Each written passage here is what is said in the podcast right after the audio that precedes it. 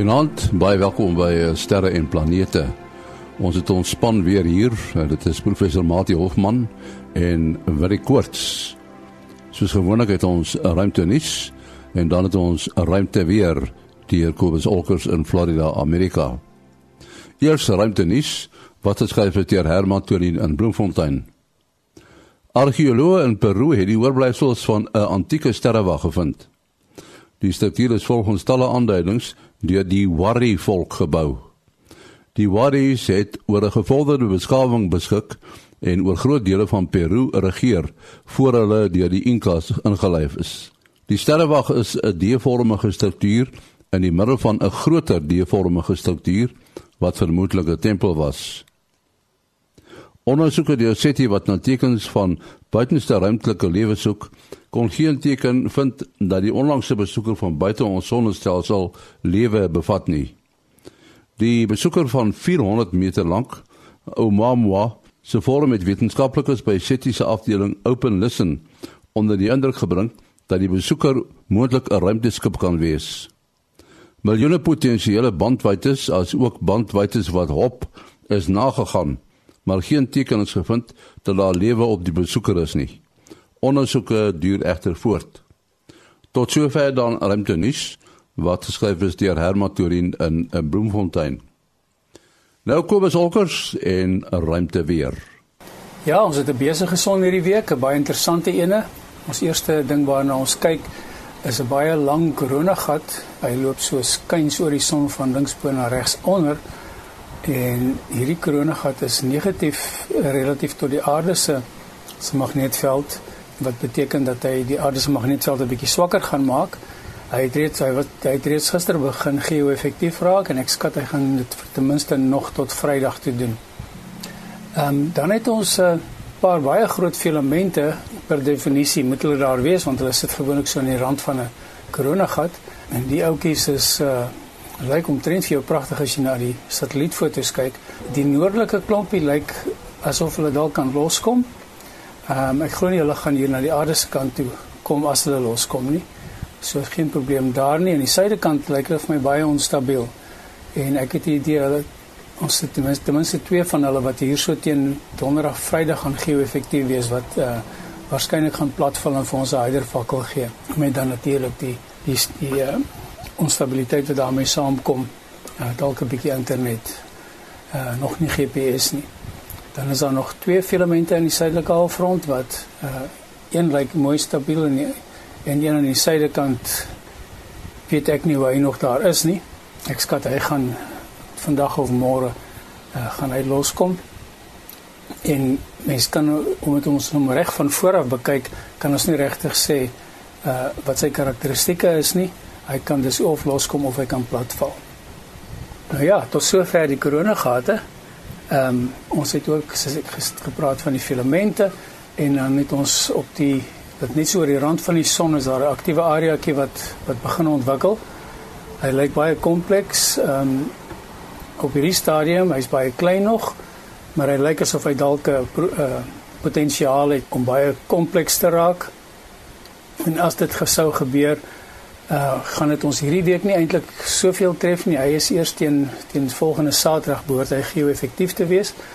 En dan sal ons natuurlik Sondag weer die die uh, volgende week se uh, se waarskuwings gee. Maar ons hou maar dop want selfs al is hy nie geo-effektief nie, kan hy nog steeds uh, ekstra hulle hier net na ons kant toe stuur en dit kan beslis ons GPS se mekaar maak.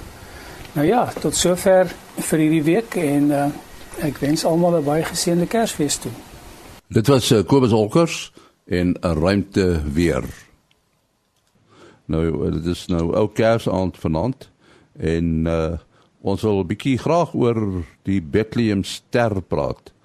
Uh, Mati, daar word baie bespiegel oor die Bethlehem ster wat dit nou eintlik was. Uh, Daar's die bestaande geloof dat dit nou 'n wonderwerk was. Alle mense sê nou weer dat dit was 'n konjunksie, maar die punt is die datum is natuurlik nie baie vas nie, nê. Nee. Ja, want die geboortedatum van Christus is ook nie so presies seker nie en ons weet reeds dat dit nie in die jaar 0 begin het nie, maar meer waarskynlik hier in die omgewing van uh sê nou maar 3 voor Christus. Ek weet nie presies hoe die geskiedkundiges uh dit bepaal nie. Nou die Bethlehem ster kom natuurlik in by die sterkykers uh wat uit die ooste gekom het uh op grond van 'n ster wat vir hulle 'n teken was dat daar 'n koning gebore sou uh sou word.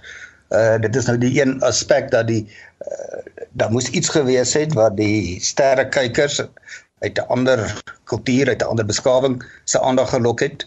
Uh dit het hulle rigting gewys om uh, op 'n manier aan te dui uh, dat hulle daarna uh Bethlehem toe moes gaan en uiteindelik dan word daar nou ook uh, geskryf in die evangelies dat die uh, die ster die uh geboorteplek self aangedui het. Nou as ons nou van agteraf begin en jy probeer dit in terme van standaard sterrekundige verskynsels verstaan, weet komete, planete uh of wat ook al dan sit uh, vir ons bloot uit 'n natuurwetenskaplike oogpunt nie maklik om te verstaan weet hoe uh 'n hemelliggaam 'n plek op die aarde kan aandui nie want die hemelliggaam is tog baie baie hoër. So as mens aan daai spesifieke aspek dink, dan sou sou my intelligente raaiskoot wees om vir iets anders te kyk buite gewone uh, sterrekundige verskynsels. As dit nou uh, kom van die ander hoek af van die van die sterkykers af, hoe hulle na sake sou gekyk het, dan moet 'n mens in gedagte hou dat in daardie tyd was die astrologie en die astronomie nog nie so van mekaar geskei nie. Dit is uh, in mekaar verweefd gewees. Weer die simboliese betekenis wat aan die beweging van planete, die groepering van planete, die konstellasies en so meer gegee is.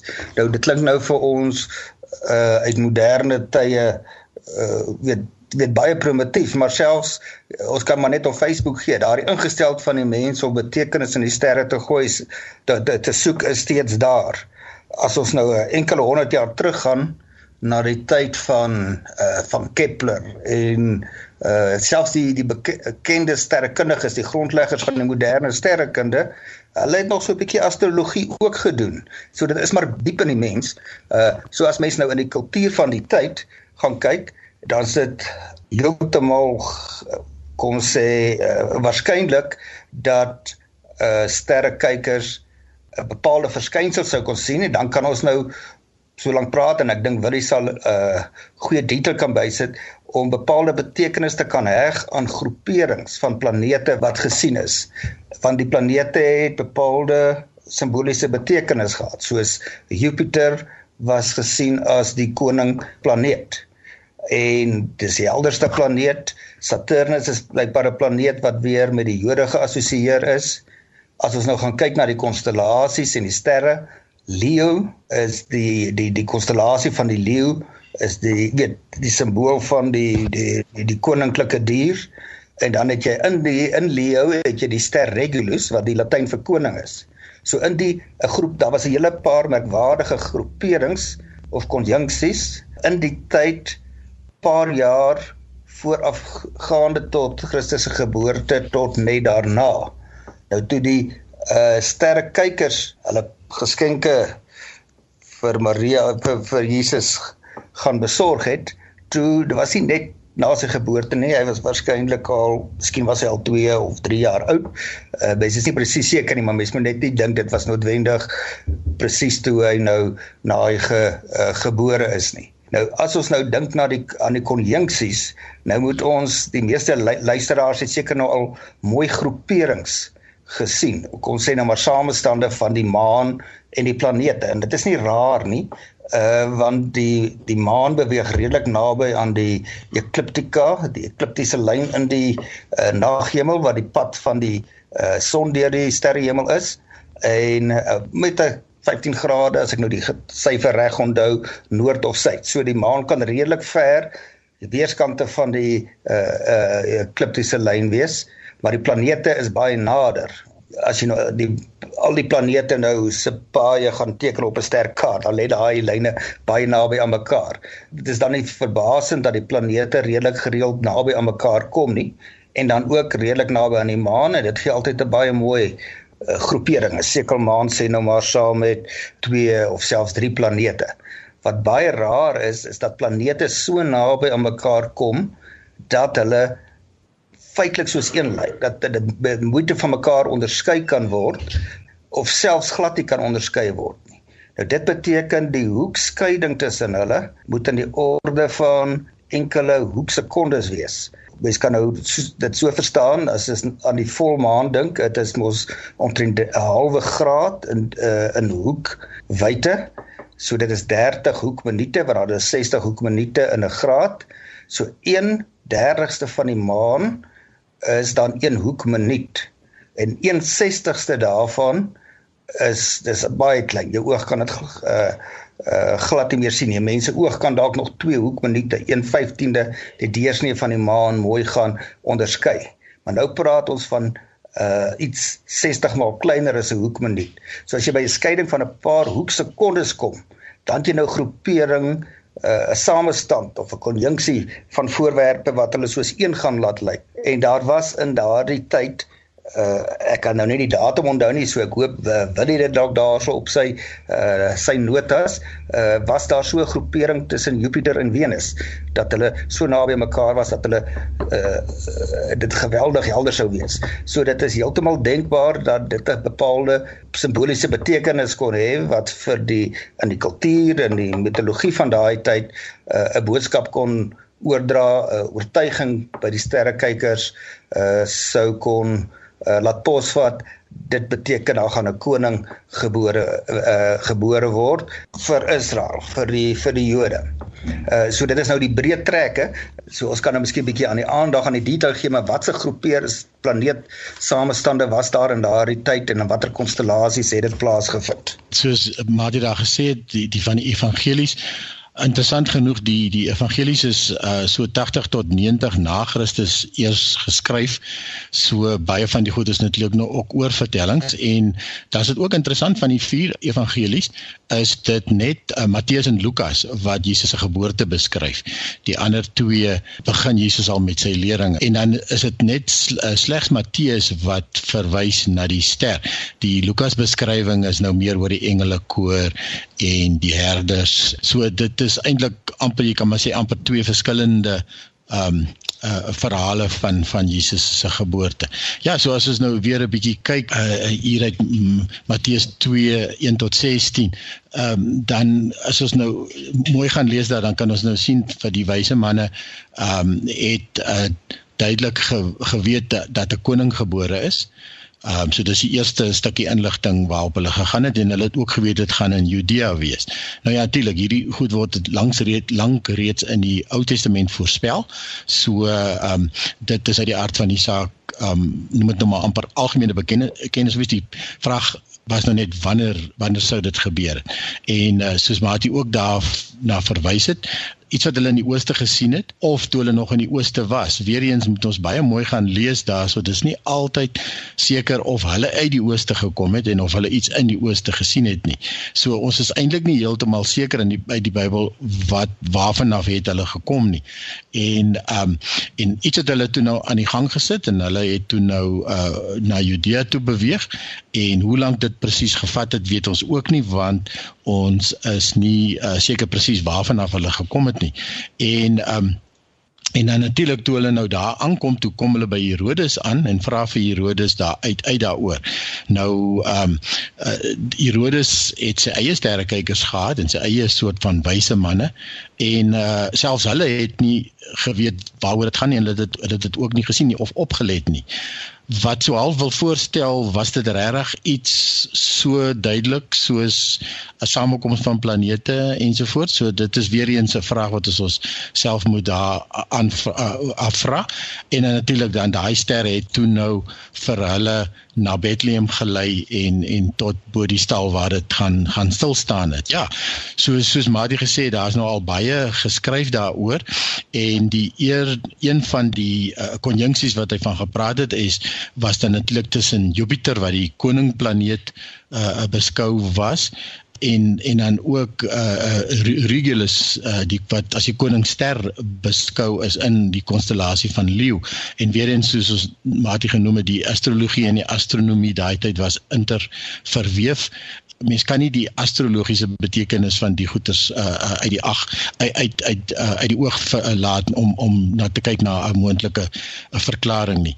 So hierdie hierdie eerste uh, konjunksie was uh, reeds in 2 voor Christus en toe kort daarna het uh, Venus ook 'n konjunksie gehad met met Regulus en dit was op 12 Augustus 3 voor Christus. Um die groot probleem is dat Herodes volgens historiese uh lyk dit of Herodes reeds in 4 voor Christus dood is. So eintlik enigiets wat dan sal waterhou hier moes na 4 voor Christus gebeur het. Dan uh, het hulle ook dan gaan kyk na triple konjunksies. Nou triple konjunksies is dan wanneer twee planete bymekaar kom uh eentjie het mekaar uit beweeg, weer by mekaar kom, eentjie het mekaar uit beweeg en 'n derde keer by mekaar kom. Nou Jupiter en Saturnus het um het so elke 20 jaar min of meer so 'n uh, triple kon uh, uh, net 'n gewone konjunksie.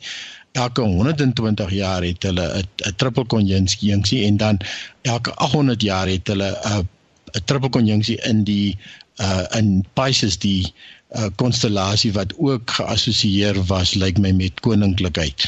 So as jy nou kyk na die triple konjunksie, so die eerste keer is dan noem dit nou maar wanneer dit in die ooste gebeur het uh of in die ooste gesien is en toe uh die die tweede keer uh, toe hulle uit Jerusalem weg is en toe die derde keer toe dit die ster gaan staan het bokant bokant die stal.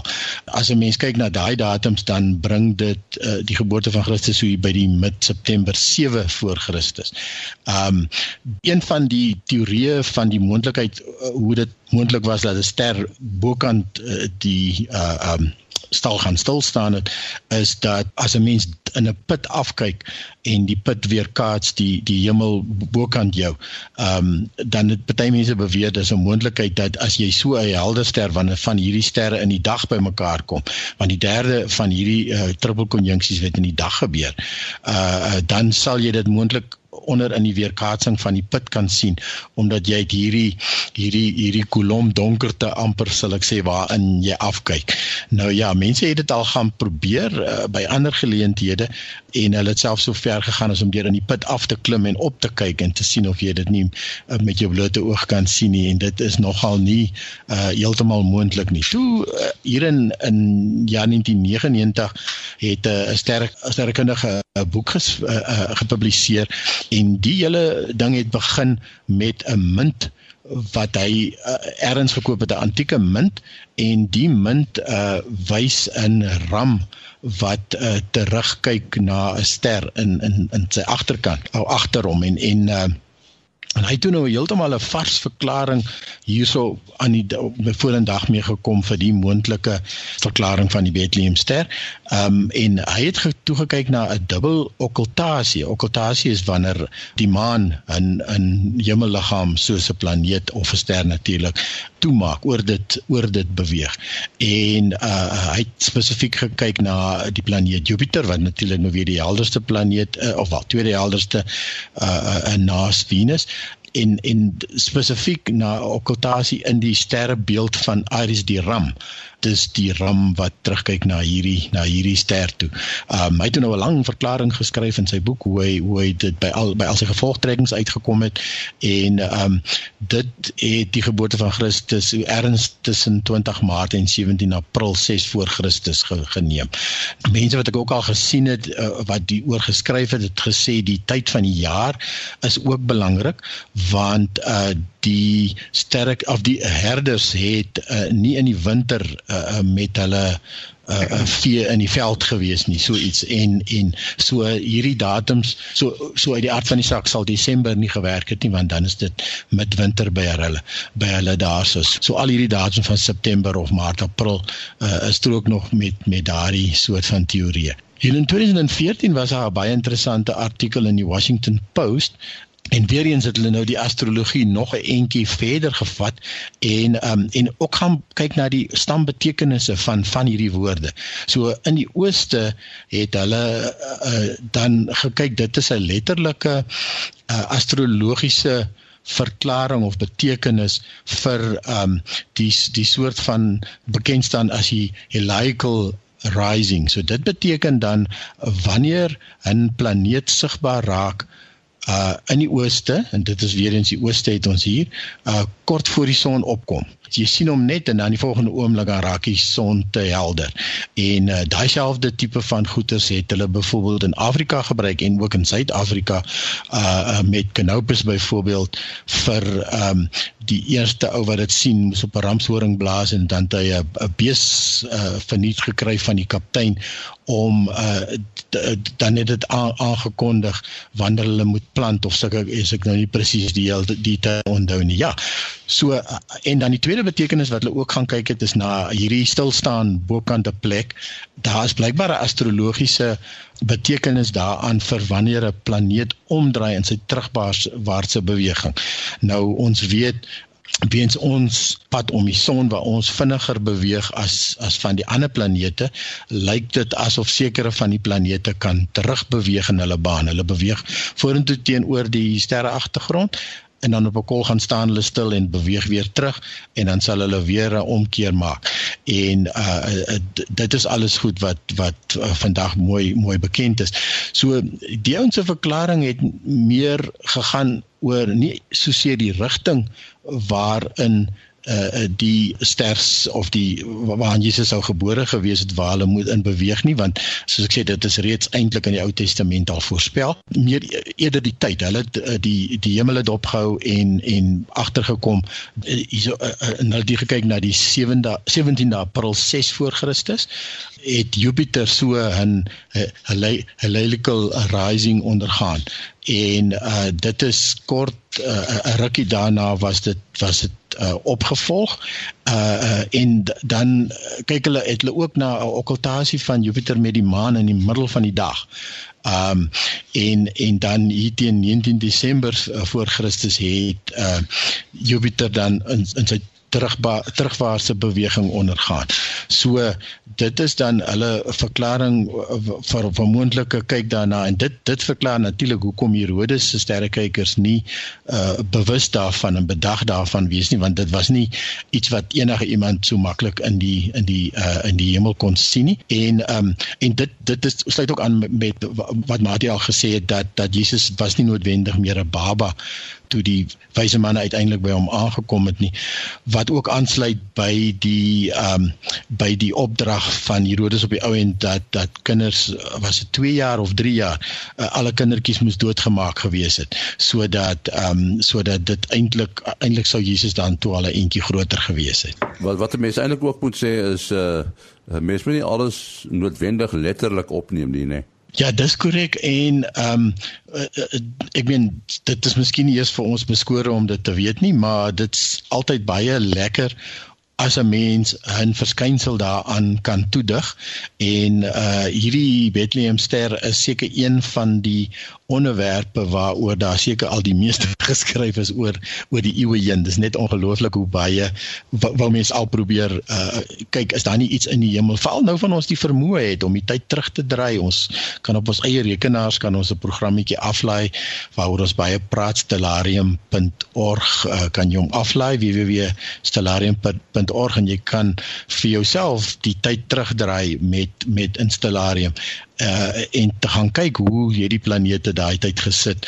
Uh jy kan jou posisie verander op in die program uh so jy kan jouself in Jordanië gaan sit en en kyk hoe het die hemel gelyk daar vanaf. En ja, wat vir my opvallend is is dat uh die sterrekykers in daardie era wat natuurlik maar 'n klein persentasie van die mensdom was, hulle was baie gesofistikeerde waarnemers. Hulle fisika was natuurlik nie nie goed nie want dit was voor wetenskaplike tye.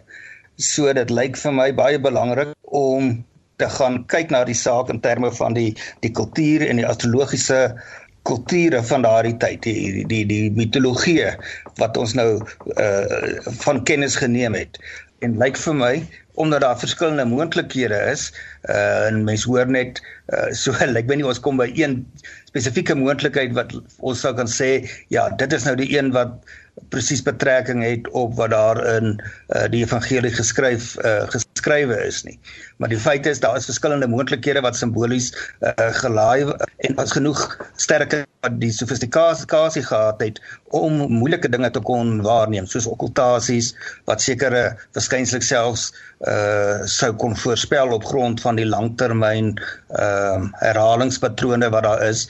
Ek ben aan daai tyd het hulle al uh sonsverduisterings kon voorspel. Die die die verskillende jy in daai tyd probeer plaas en probeer verstaan wat was die die die die beste vermoë van mense wat nou as wyse manne of sterrekykers uh bekend sou kon staan. Wat vir my nou nogal interessant en nuut was was die uh die moontlikheid wat uh, wil hier rondom okkultasie genoem uh ge, genoem het want dat 'n okkultasie nou belangrik maak is dat dit nogal plek sensitief is. So as jy sê nou maar 100 km uit mekaar uit is, dan sal jy 'n bepaalde okkultasie op een plek kan sien op 'n ander plek nie, weens die verskil in hoek waarmee jy na die uh na die hemelliggame kyk en die maan is naby genoeg aan ons uh dat dit 'n verskil kan maak. Die maan is er ongeveer 400 000 kilometer, so as jy 'n uh 'n net net okkultasie het, uh dan kan dit inderdaad 'n verskil maak. So aan die einde van die dag lyk my lyk dit vir my 'n mens gaan maar sit met 'n 'n misterie. Uh daar's 'n front om die sterrekykers is in 'n misterie gehul. Daar's verskillende moontlikhede. Uh maar as mens nou gaan kyk na die doel waarvoor die evangelie geskrywe was, dan was dit nie om ons in staat te stel om eeue later met moderne wetenskaplike kennis presies te kan verstaan hoe het dit gebeur nie presies uh, wat het gebeur nie. Dit bly vir ons so 'n bietjie in 'n in 'n in 'n mistigheid. Soos uh, ek is gemaklik daarmee om te om te kan dink ja dit is heeltemal moontlik dat sterrekykers weet watter astrologiese redes saam met dit wat hulle gesien het in beweging kon kom om te gaan soek na 'n koning. Dit is heeltemal uh moontlik. Dit is vir my ook moontlik om te aanvaar dat nie 100% alle dinge kan wetenskaplik verstaan word nie. Ek is nie ek sê nie iets is noodwendig onwetenskaplik nie, maar die menslike oogpunt is daar sekere verskynsels wat met die beste kennis van 'n bepaalde tyd nie binne die raamwerk van die beste wetenskap verstaan kan word nie. Wat ons kan sê nie onwetenskaplik is nie, maar dalk bo wetenskaplik. So dit eh uh, kon natuurlik ook 'n rol gespeel het. Ja, mens kan seker ook redeneer dat uh, dit het wel plaasgevind dit is nie so belangrik uh wat die datum presies was die kant toe of daai kant toe nie. Die uh die feit is net so iets het plaasgevind Ja, en ons uh, 'n paar duis 2000 jaar later dan laat dit ons nog 'n bietjie bietjie kop krap, maar uh, ons moet dit, dit ek dink dit is goed, dit is baie interessant en 'n uh, mens leer iets nuuts uit die oor die geskiedenis wat jy andersins nie sou leer nie en jy ook leer ook iets bietjie nuuts van die sterrekunde en jy kon nie by 'n finale antwoord uit nie. Maar dit hoef nie vir mense krisis te wees nie. Die wetenskap speel 'n baie belangrike rol in die moderne samelewing baie meer as wat dit enigsins in daai tye gespeel het, maar nog steeds is 'n baie groot deel deel van die lewe uh, is nie self wetenskap nie alhoewel mense nie onwetenskaplik lewe nie maar uh, uh, ons weet uit praktiese ervaring die lewe is baie meer 'n kuns as wat dit 'n wetenskap is. Ja, ek wil ook miskien net byvoeg byvoeg dat uh, uh, weer eens uh, in dieselfde konsep hoe uh Paasfees eintlik 'n heidense fees was wat in 'n in 'n in 'n Christusfees ontwikkel is, uh, omskep is. So so ook 25 Desember. Ek meen baie mense uh, hou juis nie Kersfees nie omdat dit hierdie heidense agtergrond het, maar weer eens het het is dit omskep in 'n in 'n in 'n Christusfees. So uh, as 'n mens uit die hart van die saak ehm um, Kersfees vir die regte redes vier, uh, kan jy dit eintlik enige tyd doen, maar ons doen dit nou almal saam op uh, op 25 Desember. Goed, uh, wat is jou besonderhede? Ja, mense kan bel SMS of WhatsApp 0724579208. 0724579208. En dan Mati? Uh en 0836257154 0836257154 en dan sommer geseënde Kersfees aan al ons luisteraars wat ons so uh, mooi ondersteun en saam met ons in die opwinding van die sterrekunde deel. Onthou as jy nog belangstel in ons boek Sterre en Planete wat saamgestel is deur uh, professor Mati Hofman, Willie Koorts en Kobus Olkers as ook uh, Dr. Japie van Sail en ek is die redakteur dan kan jy die volgende SMS stuur aan sterre by 41199 sterre by 41199 tot volgende tot die eerste sonderdag dan in, in volgende tot die eerste sonderdag dan in Januarie 2018 alles van die beste en bly lekker